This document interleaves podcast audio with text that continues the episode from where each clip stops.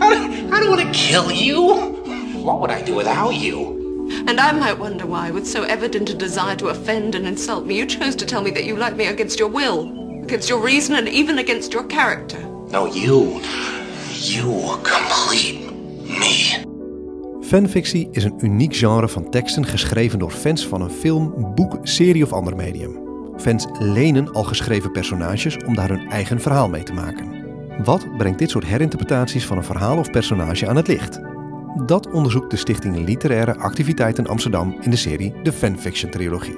De Sla vroeg twee schrijvers hun eigen fanfic te schrijven. Dichter Ellen Dekwits ging vervolgens met ze in gesprek. In aflevering 1 schrijver Maxime Garcia Diaz en wetenschapper Welmoed Wagenaar. Maxime Garcia Diaz stond in 2017 in de top 100 van de Turing Gedichtenwedstrijd, publiceerde op Samplecanon en toerde in 2018 met 19 andere podiumdichters met de Poëziebus door Nederland en Vlaanderen. In 2019 won ze het NK Poetry Slam. Welmoed Wagenaar is religiewetenschapper en promovenda aan de Rijksuniversiteit Groningen. In haar huidige onderzoek richt ze zich op rituele dimensies van fandom en verkent ze hoe theorie over ritueel de complexe interacties tussen fictionele werelden en het dagelijks leven van fans helpt begrijpen. In deze eerste aflevering van de fanfiction trilogie horen we een slash fiction tussen Jane Austen's Emma Woodhouse en Elizabeth Bennet. Slash fiction is fanfictie waarin veronderstelde heteroseksuele personages uit bestaande werken homoseksuele relaties met elkaar aangaan. Het is een van de meest populaire fanfictiegenres en in landen waar homoseksualiteit taboe of verboden is, biedt een subgenre als slash bevrijdende mogelijkheden voor onderdrukte narratieven. Je gaat nu luisteren naar Maxime Garcia Diaz met haar slashfic Hartsvriendinnen. Het is de 19e eeuw en de tijd hangt uit haar naad. Er ontstaan scheurtjes in allerlei narratieve weefsels. Een glitch, net groot genoeg om doorheen te glippen. Een vrijpostig, verwaand, vreselijk onaangenaam schepsel. Zo luidt het oordeel van Emma Woodhouse over Elizabeth Bennet na hun eerste ontmoeting. De oncharmante meneer Bennet, zijn vermoeiende echtgenote en hun vijf dochters logeren voor vier weken bij een verre tante in Highbury. En Hart Hartfield heeft het twijfelachtige genoegen gehad hen een ochtend te ontvangen. Haar, oud, haar oude vader is gecharmeerd van de juffrouwen Bennet, al praten ze allemaal iets te snel en te hard. Maar Emma is uitermate getergd. Hoe innemend juffrouw Bennet ook is, haar zusjes zijn uiterst onnozel. En die juffrouw Elizabeth Bennet, een ongehoorde vrijpostigheid. Ze laat zich met een nijdige plof in de zetel vallen. Emma's goede vriend, meneer Knightley, staat met de handen op de rug bij het raam en aanschouwt haar consternatie met een glimlach. Ik begrijp niet waarom je zo uit je doen bent, zegt hij. Juffrouw Elizabeth Bennet leek mij net zo goed gemanierd en lieftallig als haar zusters, en daarnaast ook nog buitengewoon scherpzinnig. Of is dat juist het probleem? Hij wisselt een geamuseerde blik met juffrouw Taylor, de gouvernante van Emma. Maar stel je gerust, Emma. Over een paar weken is ze terug naar huis. En kan je er weer van uitgaan dat er zich in de verste omtrek geen enkele dreiging voor je gevoel van intellectuele superioriteit bevindt. Emma start korzelig voor zich uit. Ze weet zelf ook niet waarom ze zo geërgerd is. Elizabeth Bennet heeft in feite niets bij de hand of brutaals gezegd. Maar toch, de herinnering aan die levendige ogen, waar ten alle tijden een spottend grapje in leek te dansen, blijft de rest van de dag door Emma's hoofd spoken als een vervelende vlieg. Het is de 19e eeuw en zij zijn geen jonge vrouwen, maar omlijningen, blauwdrukken. De volgende keer dat juffrouw Bennet de gemoedsrust van juffrouw Woodhouse verstoort, is tijdens een bal bij de Elliots. Terwijl ze even langs de zijkant zit om wat water te drinken, neemt Elizabeth Bennet met een lichte buiging plaats naast haar. Ogenblikkelijk worden zij belaagd door juffrouw Bates. Oh, u moet ons straks vereren met een duet, juffrouw Bennet en juffrouw Woodhouse. Ik weet zeker dat een duet tussen twee zulke ontwikkelde jonge dames alle gasten zo zou plezieren. Ongetwijfeld houdt u beiden vast erg van muziek, niet waar? Juffrouw Bennet antwoordt: Uiteraard kan ik niet voor juffrouw Woodhouse spreken, maar zelf hou ik ontzettend van piano spelen en zingen. Net zoveel als van tekenen, schilderen, lezen, borduren en bloemschikken. Ik hou zo ontzettend veel van al deze bezigheden dat ik er zelden toe kom ook uit te voeren. Uit pure verbazing moet Emma lachen. Onthutst kijkt juffrouw Bates van de ene jonge dame naar de andere. Oh, dan heeft u ongeveer dezelfde liefhebberij als ik, zegt Emma met een schuine blik naar juffrouw Bennet. Ze heeft een erg effe gelaatskleur, merkt Emma op, met hier en daar een sproetje. Ik ben bijvoorbeeld zo'n ongelofelijke liefhebber van John Milton dat ik me er nauwelijks toe kan bewegen Paradise Lost te lezen. De overweldigende liefde verhoudt mij ervan het boek te openen. De volgende ochtend heeft half Highbury het erover dat juffrouw Woodhouse de rest van het bal niet danste, maar met juffrouw Bennet zat te giechelen in een hoekje. En iedereen beaamt hoe prachtig het is dat juffrouw Woodhouse eindelijk een vriendin heeft die misschien sociaal haar mindere is, maar haar gelijke in temperament. Het is de 19e eeuw en het celluloïde flikkert over hun gezichten. De mollige veiligheid van Jennifer Ale, de leeuwenmaan van Romola Garai, Kira's scherpe hoeken en angstaanjagende seksualiteit laten we Gwyneth vergeten. Cher Horowitz poseert in haar gele geruite rokje. Een zombie stommelt over het gazon. Na twee weken innige vriendschap komt er een moment tijdens een avondwandeling dat juffrouw Bennet de woorden juffrouw Woodhouse uitspreekt en juffrouw Woodhouse plagerig zegt: Mijn naam is Emma, wist je dat al? Zou het niet vrijpostig van me zijn om u zo te noemen? Ik dacht dat jij bovenal vrijpostig was. Is dat alles wat ik, wat ik voor u beteken? Een goed voorbeeld van vrijpostigheid. Zo één die u voor uw neefjes en nichtjes tentoon kunt stellen om te zorgen dat ze weten hoe het niet hoort. Oh nee hoor, behalve vrijpostig ben je ook nog brutaal, ongemanierd en nieuwsgierig. Dus als voorbeeld voor mijn neefjes ben je uiterst veelzijdig in te zetten. Als ik niet zo goed gemanierd was, zou ik durven stellen dat u die karaktertrekken zo feilloos in mij herkent omdat u ze zelf ook bezit. Nonsens. Ik ben volmaakt. Pas op, om haar voor een dikke boomtak op het pad te behoeden, grijpt Elizabeth Emma's mouw vast en ze, ze struikelen tegen elkaar aan. Juffrouw Bennet lacht. Klopt, je bent volmaakt. Even voelt Emma zich kortademig, want dat zijn toch wel erg veel sproetjes over dat welgevormde neusje. Als juffrouw Bennet een jonge man was geweest, in plaats van een jonge dame, zou de nabijheid van hun gezichten volstrekt ongepast zijn. Gelukkig is juffrouw Bennet geen jonge man. Omdat het weer vreselijk omslaat na hun wandeling, wordt de blauwe logeerkamer voor juffrouw Bennet opgemaakt.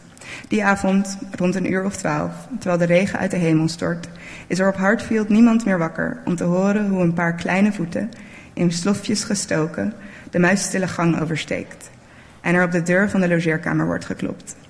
Het is de 19e eeuw en twee titanen ontmoeten elkaar. Samen tuimelen ze het verstaanbare register uit, landen op een plek zonder taal, druk bevolkt, maar niemand spreekt of lacht. Men zucht, mompelt. Elizabeth Bennet trouwt. Emma Woodhouse ook. Daarna komt de eerste voorzichtige brief. De warmste felicitaties. Zou het toch zeer op prijs stellen. De visite wordt afgesproken. Het is een goede gelegenheid voor toenadering. Een kerstverse bruid hoort gevisiteerd te worden en visites horen ook beantwoord te, worden en dan andersom weer beantwoord enzovoorts. Het personeel van het landgoed Pemberley is het erover eens dat hun nieuwe mevrouw Elizabeth Darcy er maar geluk mee heeft zo'n intieme vriendin te hebben. Wanneer meneer Darcy tijdens de visite van mevrouw Emma Knightley naar Londen moet voor zaken, deelt mevrouw Darcy zelfs met haar hartsvriendin de logeerkamer. Als een van hen een jonge man was geweest, had hun hartstochtelijke vriendschap uiteraard alle boze tongen van Hartfield tot Pemberley doen dansen. Gelukkig is nog mevrouw Knightley, nog mevrouw Darcy een jonge man. Het is de 19e eeuw en de tijd hangt uit haar naad. Twee titanen ontmoeten elkaar en wat ze doen is niet, is niet onfatsoenlijk, maar ondenkbaar. Een universeel ontkende waarheid. Dank jullie wel. Dank je wel. Ga lekker zitten. Hey, Welmoed, Maxime, kom lekker zitten. Ja, dat, is, dat is deel 2 van het contract. Had je toch even moeten lezen. We gaan er nu over praten wat je net hebt gedaan. hey, nou, misschien vind je het leuk om jullie aan te kijken zo. Oké. Okay, niet, niet intimideren bedoeld, maar zo. Ja. Dus, dus, dit, dus dit was wat je hebt gedaan is... Ik kijk even jou als wetenschapper aan, Welmoed. Dit was nou femslash. Dit was femslash, ja. Oké, oké. En, en moet er bij femslash misschien, want het was wel een beetje subtiel in het begin. Maar, uh, het wat was wat? Het begon eigenlijk pre-slash, een beetje ah, subtiel, en het bouwde op naar daadwerkelijk femslash. Ja, ja en, en, en, en, en, en is het zo dat bij femslash ook altijd uh, sexy dingen horen, zoals hier? Want er werd toch wel impliciet wat geschaard tussen de regels door. Uh, nou ja, bij slash in het algemeen uh, kan dat variëren tot soort van onschuldige crushes, tot hele expliciete seksuele content. Dus uh, ja, dat, dat behoort er ook toe. Ja. Oké, okay, en, en Maxine, waarom Jane Austen? Um, Jane Austen, omdat het dus uit de literaire kanon moest komen. En omdat mijn eigen fanfiction voorkeuren totaal niet uit de literaire kanon komen. Namelijk Harry Potter, Twilight, Game of Thrones, dat soort dingen.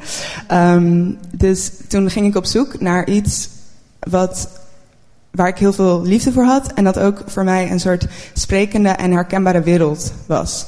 Wat nu natuurlijk voor ons, Regency Engeland, is een soort fantasiewereld. Um, en die personages zijn heel herkenbaar. Dus je kan je kan ze in een ander verhaal plaatsen en dan kan je ze nog steeds als lezer herkennen. Als dat logisch klinkt. Ja. Het klinkt ontzettend logisch, dankjewel. En, en Wilmot, kijk, jij zit er natuurlijk echt goed diep in. Hè? Uh, als je het hebt over de literaire verhalen, hè, waar is dan, althans gecanoniseerd literair, waar is dan de meeste fanfiction van? Is dat toch de Griekse mythe? Ik bedoel, mensen zeggen dat de Aeneas bijvoorbeeld eigenlijk het oudste fanfiction verhaal aller tijden is. Wat, wat zou jij zeggen? Wat, wat, wat is de top drie? Ja, nou, makkelijk hè? Nou, ja, nou top drie weet ik niet. Nee. Um, kijk, als je het echt hebt over uh, fanfictie, en dat zei ik op een gegeven moment ook, dat ik nou ja, niet alle vroeg-christelijke apocryfe werken bijvoorbeeld zou zien als fanfictie. Zou ik misschien wel een beetje oppassen met wat we allemaal fanfictie noemen, omdat de kracht van die term dan op een gegeven moment ook afneemt, als we alles maar fanfictie kunnen noemen. Um, maar ik denk, als je het hebt over daadwerkelijke fanfictie, over het literaire kanon, dan is Austens werk natuurlijk nou, een van de werken waar echt heel veel over is geschreven, wat je als fanfictie zou kunnen zien. Um, top drie. Nou, dat, dat, dat weet ik niet. Denk, denk, er anders even over na. Um, wat, wat, ik mij ook afvroeg, jongens. Jullie kennen uh, Pride and Prejudice en Zombies? Ja. Kent iedereen dat in de zaal, lieve nerds? Nee, niet iedereen. Ik zie een paar vraagtekentjes. Uh, dat is gewoon, iemand heeft 80% genomen van de originele tekst van Pride and Prejudice. En heeft daar ze 20% eigen tekst tussen gevoegd. Waarbij hij van Pride and Prejudice opeens een zombie verhaal heeft gemaakt. Dus valt dat ook onder fanfiction? Of is dat eerder montage? Hoe, hoe kijken jullie daarnaar? Ik zou het zien als inderdaad een vorm van remix. Um, waarin je dus ziet dat er, en dat gebeurt steeds meer in het huidige medialandschap, dat er eigenlijk uh, remakes worden gemaakt van verschillende media, waarbij er net even een andere spin aan wordt gegeven of net even iets aan wordt toegevoegd, waardoor het net even anders is. Um, en dat remix is iets wat je in fanfictie ook terugziet.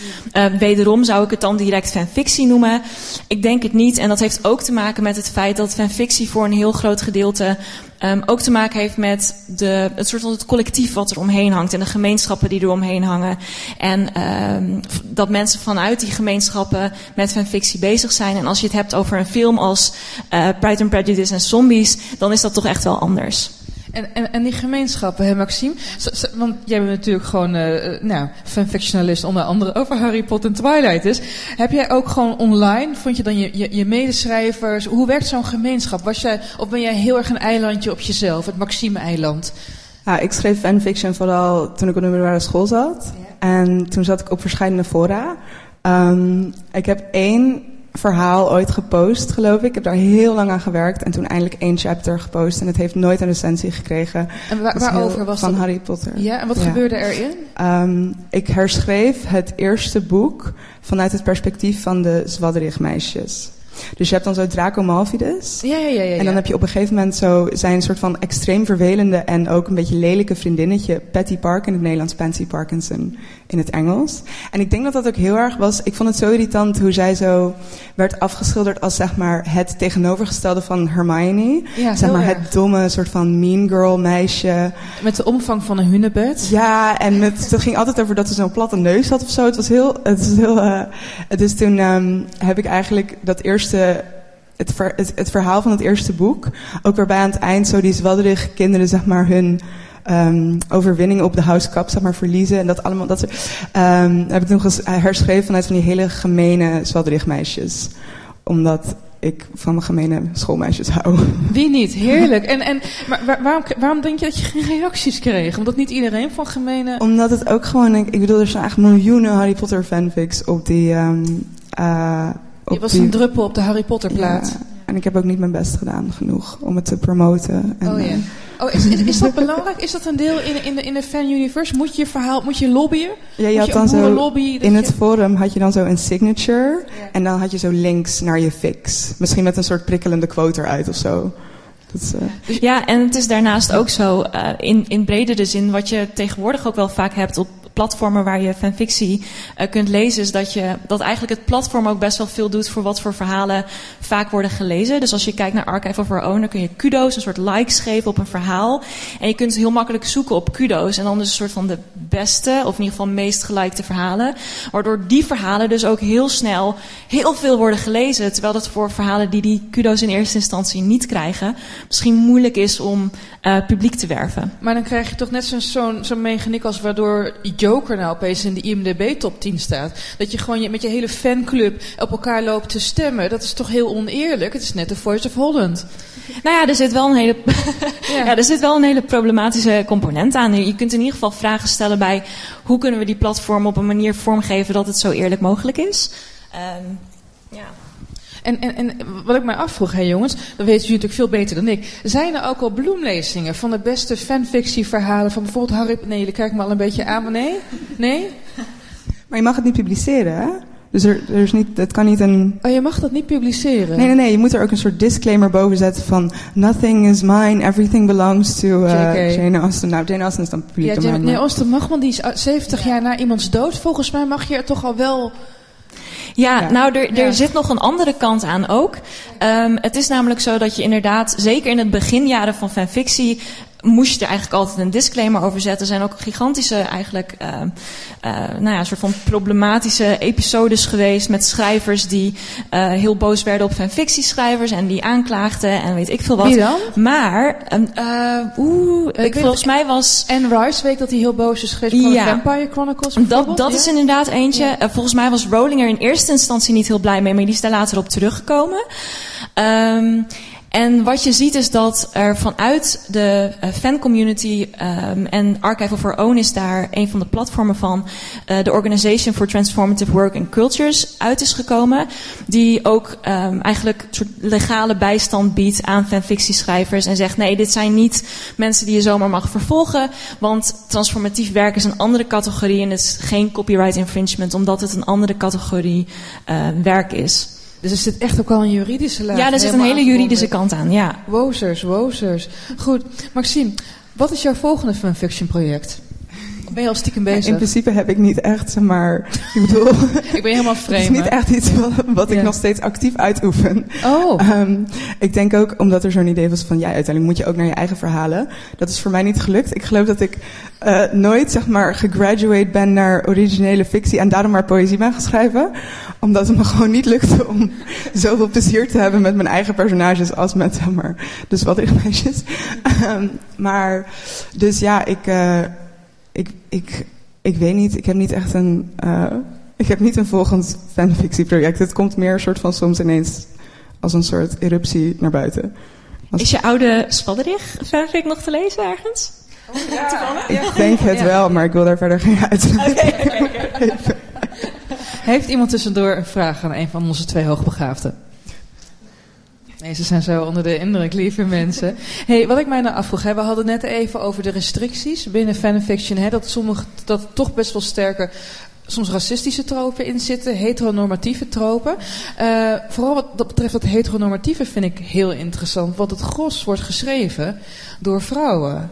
Dus het is, tegelijk, het is dus niet per se een emanciperend genre. Het, het is haast een, een, meer een zelfbevestigend genre. Hoe zit dat? Ik denk dat het beide kan zijn. Aan de ene kant uh, kan het heel emanciperend werken. Je ziet wel dat er heel veel uh, queer people zijn die ook uh, fanfictie schrijven en op die manier ook elementen van bijvoorbeeld hun eigen seksualiteit kunnen verkennen en kunnen ontdekken via personages. Dus die ruimte die is er zeker wel. Um, tegelijkertijd zie je dat uh, in bijvoorbeeld Slash en zeker ook in hoe het begonnen is, werd dat toch en wordt dat denk ik nog steeds voornamelijk geschreven door heteroseksuele vrouwen. Um, wat heel interessant is. Dat, dat spok. En, ja. en dat, hoe zit dat nou ja, dan? Ja. Kijk, wat, um, een van de dingen die wel gezegd wordt over waarom het zo'n aantrekkingskracht biedt, is als je schrijft over twee mannelijke personages, dan vallen alle machtsverhoudingen en alle uh, soort van verwachtingen die er normaal gesproken zijn in een seksuele relatie, als je het hebt over een man en een vrouw, vallen weg. Dus ineens heb je een vrijheid om een relatie op een andere manier neer te zetten, om misschien dingen op een andere manier te verkennen. Wat um, ook voor heteroseksuele vrouwen heel uh, bevrijdend en fijn kan zijn om te schrijven. Um, los dat het ook gewoon heel heet kan zijn om dat te schrijven. Ja. Uh, ja.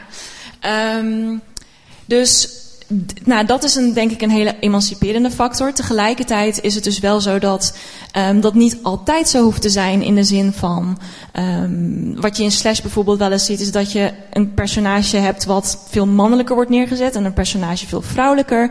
Um, of als je het hebt over racistische uh, elementen, uh, dan kun je zien dat onze verbeelding soms toch tekort lijkt te komen. In de zin van waarom is het zo dat we toch altijd schrijven over die witte mannen met elkaar en zo weinig over gekleurde personages, zelfs al zitten ze wel in het originele werk.